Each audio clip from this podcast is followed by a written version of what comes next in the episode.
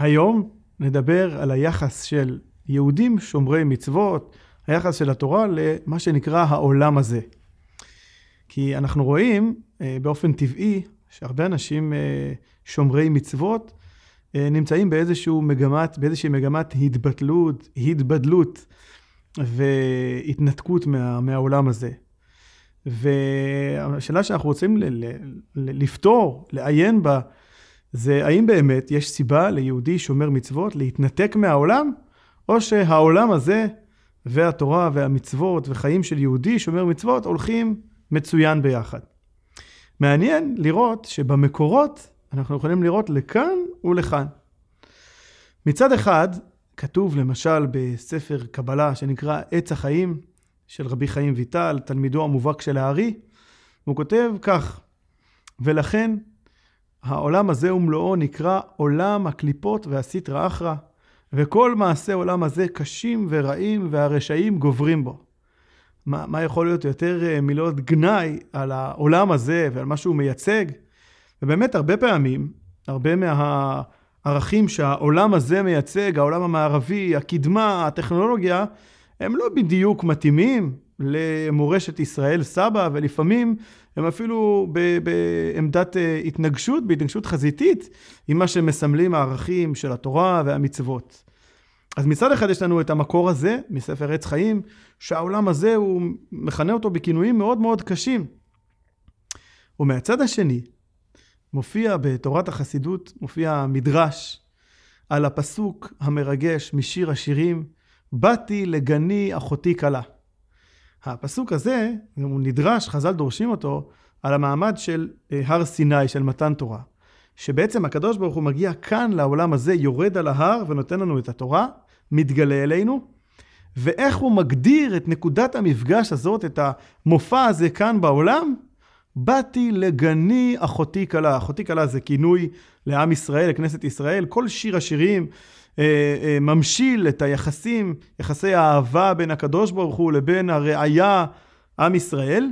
ומה שמעניין כאן זה שאלוקים מכנה את הירידה שלו לעולם הזה כבאתי לגני אחותי כלה.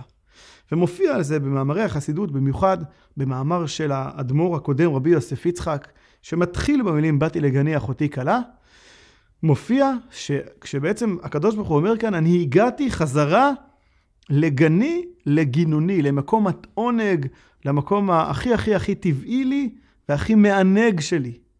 כלומר, בשונה ממה שאנחנו יכולים לחשוב, שהעולם הזה ואלוקים, תורה, מצוות, יהודים שומרי מצוות לא הולכים ביחד, כאן אנחנו רואים שכשהקדוש ברוך הוא, חוץ מזה שהוא נמצא בכל העולמות העליונים ויש מלאכים ועולמות והכל רוחני, כשהוא מגיע לכאן, הוא מרגיש בבית. באתי לגני, הגעתי לגן שלי, למקום התענוגות שלי, כאן בעולם הזה. אז, אז מה קורה? העולם הזה ואנחנו, יחסינו לאן?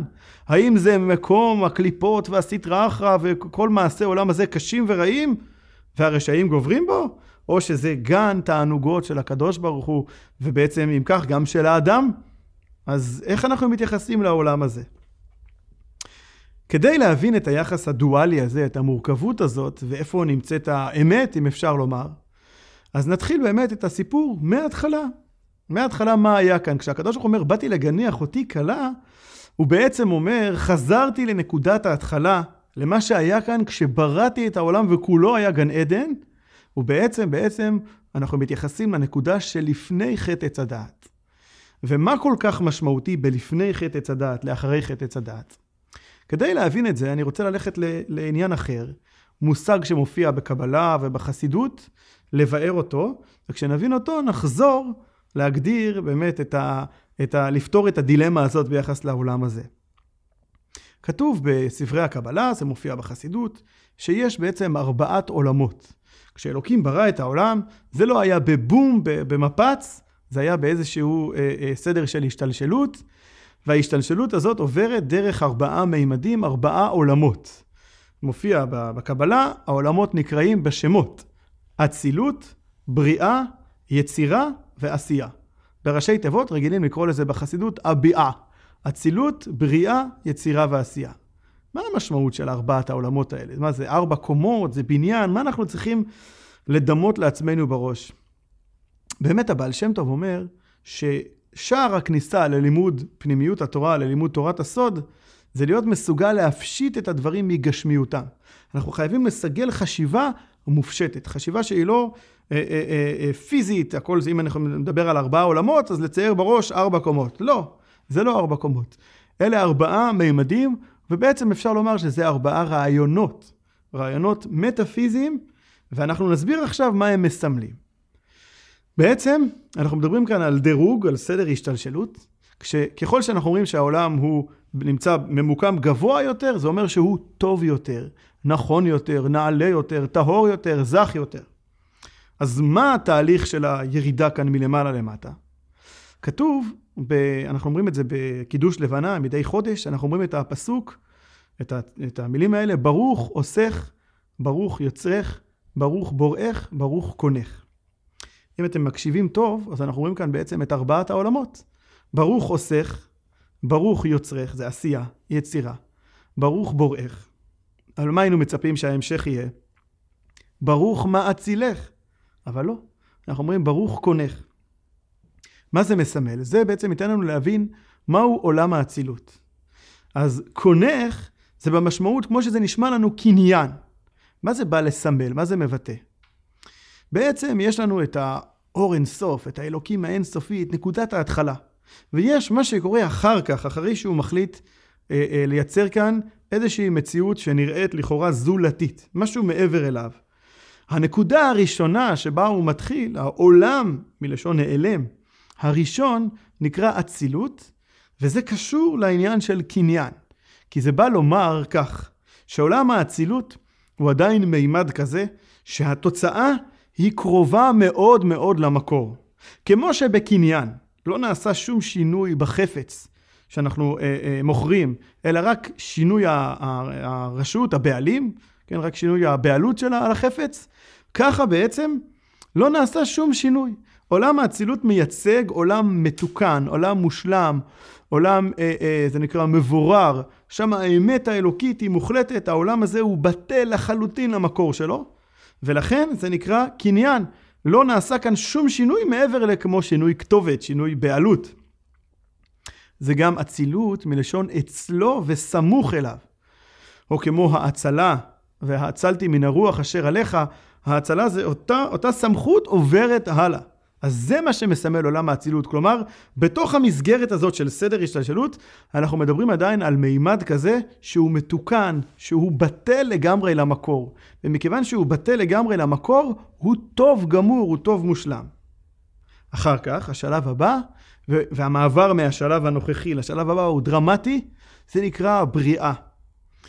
על הפסוק בראשית ברא אלוקים, הרמב"ן, אחד מפרשני המקרא המפורסמים, מסביר שכל הוויית דבר מאין ליש נקרא בתואר בריאה. לברוא זה להוות דבר מאין, הוא היה כלום ועכשיו הוא נעשה יש. כלומר, הנקודה הראשונה של הישות, שאותו סדר השתלשלות מתחיל להתייחס לנקודה שהיא זולתית, שהיא מחוץ למקור, שזה חיסרון גדול. זה התרחקות מהטוב האולטימטיבי, מהאין סוף. הנקודה הראשונה הזאת נקראת בריאה, זה עולם הבריאה. פה כבר יש איזושהי מציאות. אבל עדיין המציאות הזאת היא גולמית לחלוטין. אנחנו עדיין לא ביצירה, עדיין אין כאן צורה, אין כאן התפתחות, אין כאן תוכן. יש כאן רק את עצם המעבר מאין, עולם האצילות, ליש, עולם הבריאה. עצם המעבר הזה הוא כבר נקרא בריאה והוא ירידה דרמטית. המעבר בין אצילות לבריאה זה המעבר הכי הכי דרמטי. אחר כך בריאה, יצירה, עשייה זה כבר התפתחות הדרגתית. יש איזשהו מפץ, איזושהי פרסה שעוברת בין עולם האצילות לעולם, הבריאה, כי בעולם הבריאה זה הנקודה הראשונה של היש, של הישות. אבל כפי שאמרתי, הישות הזאת עדיין גולמית, ללא תוכן, ללא הגדרה, ללא צורה, שזה מסמל שעל אף שעברנו כאן למימד של יש, אבל הוא עדיין קרוב למקור, הוא עדיין לא מכריז בעצמאות שלו איזה שהם תכנים אחרים, איזושהי עצמאות אה, אינדיבידואלית. בשלב הבא, בעולם היצירה, בעולם היצירה יש כבר צורה, יש תוכן, יש כבר איזושהי אמירה, לא רק עצם המעבר מהעין ליש, אלא יש כאן כבר איזושהי אמירה, זה מסמל שלב נוסף בהתרחקות. ועולם העשייה זה העולם הנמוך ביותר, בעולם העשייה עצמו יש עולם עשייה רוחני, יש עולם העשייה גשמי, אבל מה זה מסמל? עשייה זה השלמה של התהליך. הירידה, שיא הירידה, זה עולם העשייה. כמו שכתוב בפסוק, ועשתה את ציפורניה, והמילה לעשות היא, היא במשמעות של גמר, של סיום העניין. אז עולם העשייה הוא הגמר של ההשתלשלות, ובזה עצמו, כפי שאמרתי, יש כל מיני דרגות, יש דרגות רוחניות, והדרגה האחרונה זה מה שקורה בעולם הזה, עולם העשייה, שעליו נאמר בספר עץ חיים, שעולם הזה הוא עולם הקליפות והסטרא אחרא, וכל מעשה עולם הזה קשים ורעים. למה? על מה אנחנו מדברים? אנחנו מדברים פשוט על ישות שהלכה והתרחקה והתרחקה והתרחקה מהמקור, עד שנעשה הגולם הזה, שהוא רחוק לגמרי מהמקור, ועד כדי כך שבעולם הזה, הפיזי, במימד שאנחנו מתפקדים בו, ההוויה הבסיסית, הטבעית של, ה, של, ה, של היצורים שפועלים כאן היא לא שיש מקור, אלא אני המקור, אני ואפסי עוד. הדבר הכי הכי קרוב לנו בתודעה שלנו זה המציאות שלנו בעצמנו. עכשיו, מצד האמת האלוקית אין עוד מלבדו, זה עדיין נשאר נכון. ו, ו, וזה מה שמסמל הנמיכות של העולם הזה, שזה יתרחק כל כך, שבתודעה, בהוויה שלנו, אנחנו מרגישים מציאות יש. והנקודה הזאת מתחילה בעצם, אם אני חוזר עכשיו בהיסטוריה ואני רוצה לתת את, אה, את ההגדרה לעולם הזה, ברגע שהיה חטא עץ הדעת, בום, שם העסק התחיל בעצם להסתבך לפני חטא עץ הדעת. מה היה? כתוב שהאדם וחווה היו ערומים ולא התביישו. מה זה מסמל? זה מסמל שהכל היה בהרמוניה, הכל היה בזרימה. זה כמו, מה, מה, מה מסמל, אה, אה, מה מגדיר גוף בריא? גוף בריא זה גוף שלא מרגישים אותו. אם חס וחלילה האדם מרגיש את הרגל שלו, אז זה אומר שיש שם כאב, שהרגל לא בריאה. וכן על זה הדרך. זאת אומרת, המצב הבריא המצב, הוא המצב של הזרימה, שכל האיברים של הגוף הם בזרימה, בהתאחדות עם החיות, עם הנשמה, ואז אין מצב כזה שאיבר מרגיש את עצמו, מרגיש את עצמו. כאשר יש תחושה עצמית, זה חולי. זה חולי כי זה מנותק מהמקור, זה לא בהרמוניה, זה לא בזרימה עם המקור של כל האורגניזם הזה של האדם. כך גם, כמו שזה במיקרו, כך גם זה במקרו. בנקודה של חטא עץ הדת, התחילה, אנחנו קראנו לזה פעם, חטא עץ המודעות. מה, ש, מה, ש, מה שאמרו, אני חושב, משמע אני קיים, זה התחיל מחטא עץ הדעת. וברגע שהם הרגישו את עצמם כאינדיבידואלים, אז פתאום הם מתביישים, פתאום יש את המציאות שלי, יש את המציאות שלה, ויש כאן סביב העניין הזה איזשהו מתח, מתח מיני, מה שלא היה קודם, בגלל שהכל היה בהרמוניה, הכל היה בביטול. ומחטא עץ הדעת התחילה הנקודה של הישות. בעצם העולם הזה, התחתון, הפסיק להיות גן עדן. גן עדן זה המימד שבו הכל מאוחד עם המקור, הכל בזרימה, הכל, הכל בביטול אל המקור. ברגע שהיה חטא עץ הדת, האדם גורש מגן עדן, הכוונה שהתודעה כאן הפסיקה להיות תודעת גן עדן, אני לא רוצה לומר שהתחילה להיות תודעת גיהנום, אה, בהיבטים מסוימים אולי כן, אבל זה הפסיק להיות תודעת גן עדן. וכתוב במדרש כך, שאחרי חטא עץ הדעת של האדם הראשון, היו עוד חטאים. החטאים בדור של, אה, כן, כמובן, אה, קין שרצח, ואחר כך בדור אנוש היו עוד חטאים. והמדרש מגדיר את זה, שעל כל חטא וחטא, השכינה שהייתה כאן בשיא ההתגלות לפני החטא. אז על כל חטא וחטא היא הלכה והתרחקה. הוא מגדיר את זה שזה עלה מהארץ לרקיע, ואחר כך זה עלה לעוד רקיע ועוד רקיע ועוד רקיע. שבעה רקיעים. מה זאת אומרת שזה עלה שבעה רקיעים? הכוונה היא שמחטא לחטא האטמוספירה כאן נעשתה פחות, ז, פחות בזכות, פחות בטהרה, פחות בקרבה אל המקור, יותר ישות, יותר גסות, יותר התרחקות מהמקור. זה מה שקרה באמצעות הדורות הללו, שהוא באופן כללי אה, אה, מחלק את זה לשבעה דורות ושבעה חטאים, ואז השכינה עלתה ועלתה ועלתה, היא הסתלקה והתרחקה מהמימד כאן הפיזי. עד, אומר המדרש, שהגיע אברהם אבינו. אברהם אבינו התחיל להאיר את העולם. אברהם אבינו ב, ב, ב, ב, ב, ב, במציאות שלו, בפעילות שלו בעולם הזה של השפעת טוב וחסד ופרסום האמונה בהשם, הוא, הוא הגיע למסקנה, כפי שכתוב ברמב"ם, על האמונה בהשם והתחיל להפיץ אותה. הוא התחיל להאיר. בעצם אברהם התחיל את התהליך של החזרת השכינה כאן לעולם הזה. ואברהם בפעילות שלו הוריד את השכינה מהרקיע השביעית לרקיע השישית. מה זאת אומרת? זה הכל ממדים רוחניים, אבל הכוונה שהוא קירב, הוא הנכיח שוב את האלוקות כאן בעולם הזה. הוא הפך שאנשים התחילו לדבר על השכינה, לדבר על האלוקות כאן בעולם הזה. יצחק התקדם עוד שלב, יעקב התקדם עוד שלב, כך מונה המדרש שבעה דורות. עד הנקודה שדיברנו עליה בהתחלה, של משה רבינו, שמוריד את התורה כאן בעולם הזה, ועל זה נאמר, באתי לגני אחותי כלה. כאשר אלוקים יורד במעמד הר סיני במתן תורה, הוא מצהיר ואומר, הגעתי חזרה, חזרתי הביתה. חזרנו לנקודה שהייתה לפני חטא עץ הדת, שהכל היה כאן בהרמוניה, בזרימה, בחיבור עם המקור. אומר הקדוש ברוך הוא, איזה יופי, חזרתי לגן התענוגות שלי, למימד הזה, לעולם הזה, אבל כפי שהוא מתוקן לפני חטא עץ הדת. אממה, שהבחירה החופשית לא, לא נגמרה אז בשלב הזה, זאת לא היה התיקון הסופי, ואחר כך אנחנו יודעים שהיה חטא העגל. ועוד פעם חזרנו חזרה אחורה, והשכינה התחילה להסתלק שוב, ואחר כך כשהיה את המשכן, שהוא היה כפרה על חטא העגל, אז השכינה חזרה לשכון כאן, וככה זה הולך במשך הדורות, כאשר, כאשר אנחנו מדברים על מימד של גאולה, זה אומר שהעולם הזה הוא גן עדן. זה אומר שהאלוקות כאן בהתגלות, המקור מתגלה כאן. וכאשר אנחנו מדברים על גלות, על, על העלם של השכינה, אז זה לא גן עדן, זה העולם הזה, כמו שכתוב בעץ חיים, שהוא מלא קליפות וסטרא אחא והרשעים גוברים בו.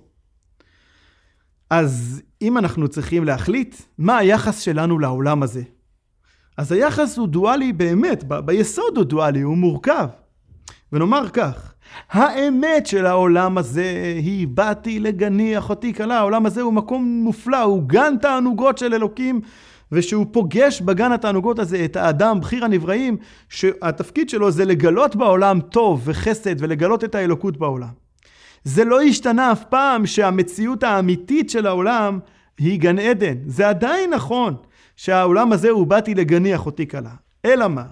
שכאשר אנחנו בעידן של גלות, לא בעידן של גאולה, אז האמת הזאת מכוסה ונעלמת בשכבות וקליפות, שכבה על גבי שכבה על גבי שכבה.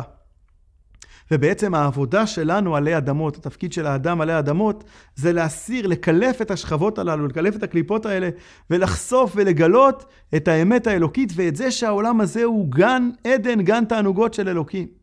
וזה על ידי כל מעשה טוב שאנחנו עושים.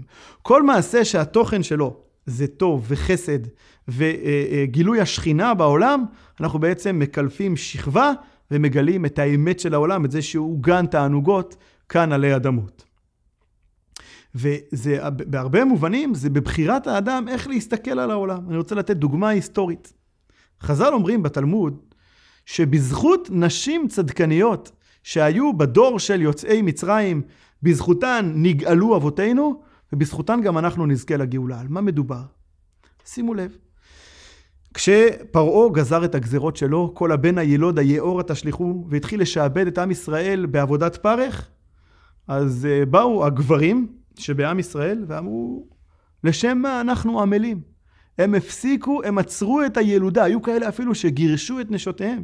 למשל, ההורים של משה, האבא של משה, אה, אה, גירש את, אה, את אשתו, הוא לא, לא רצה להביא ילדים לעולם.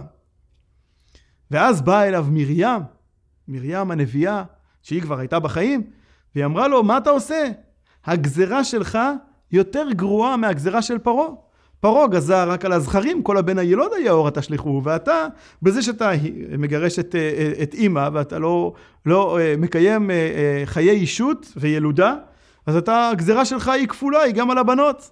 שמע האבא את דבריה הנוקבים של ביתו ונשא בחזרה את יוכבד, ומזה הגיע משה שהושיע את עם ישראל. אבל זה לא נגמר פה. כל הגברים רצו להפסיק את הילודה בעם ישראל. למה הם רצו להפסיק את הילודה בעם ישראל? כי הם ראו בעולם הזה גיהנום. וזה היה מאוד רציונלי לראות בעולם הזה גיהנום. כי אם אנחנו חיים בעידן שבו כל ילד שנולד משליכים אותו ליאור, ומי שלא משליכים אותו ליאור הוא עובד עבודת פרך, אז באמת העולם הזה הוא גיהנום, בשביל מה להביא עוד נשמות, עוד ילדים מסכנים לעולם כזה של גיהנום? אבל הנשים הצדקניות, נשות ישראל אז, מה הייתה להם? הייתה להם משקפת, משקפיים, אה, הרכיבו משקפיים אחרים על העולם.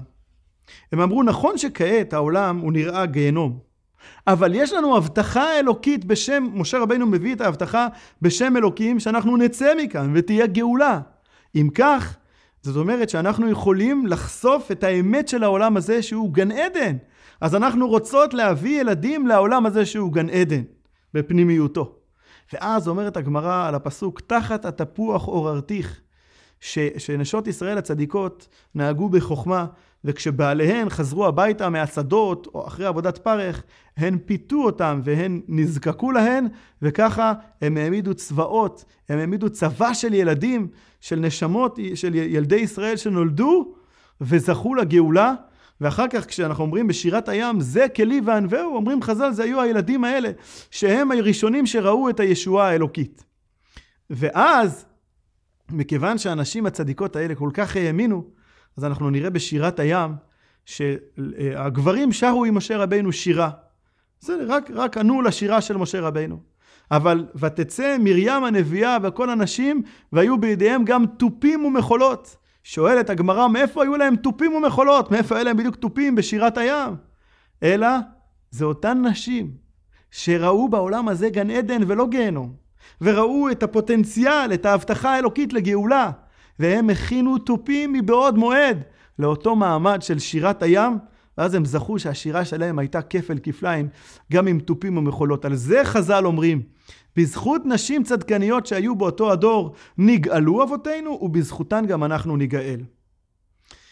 סופר השואה, זיכרונו לברכה, היה מפורסם, קראו לו אלי ויזל, אדם רב זכויות, והוא, אחרי המלחמה, אחרי שהוא, אה, אה, כן, היה שורד, ניצול שואה, הוא לא רצה להתחתן ולהקים בית ולהביא ילדים.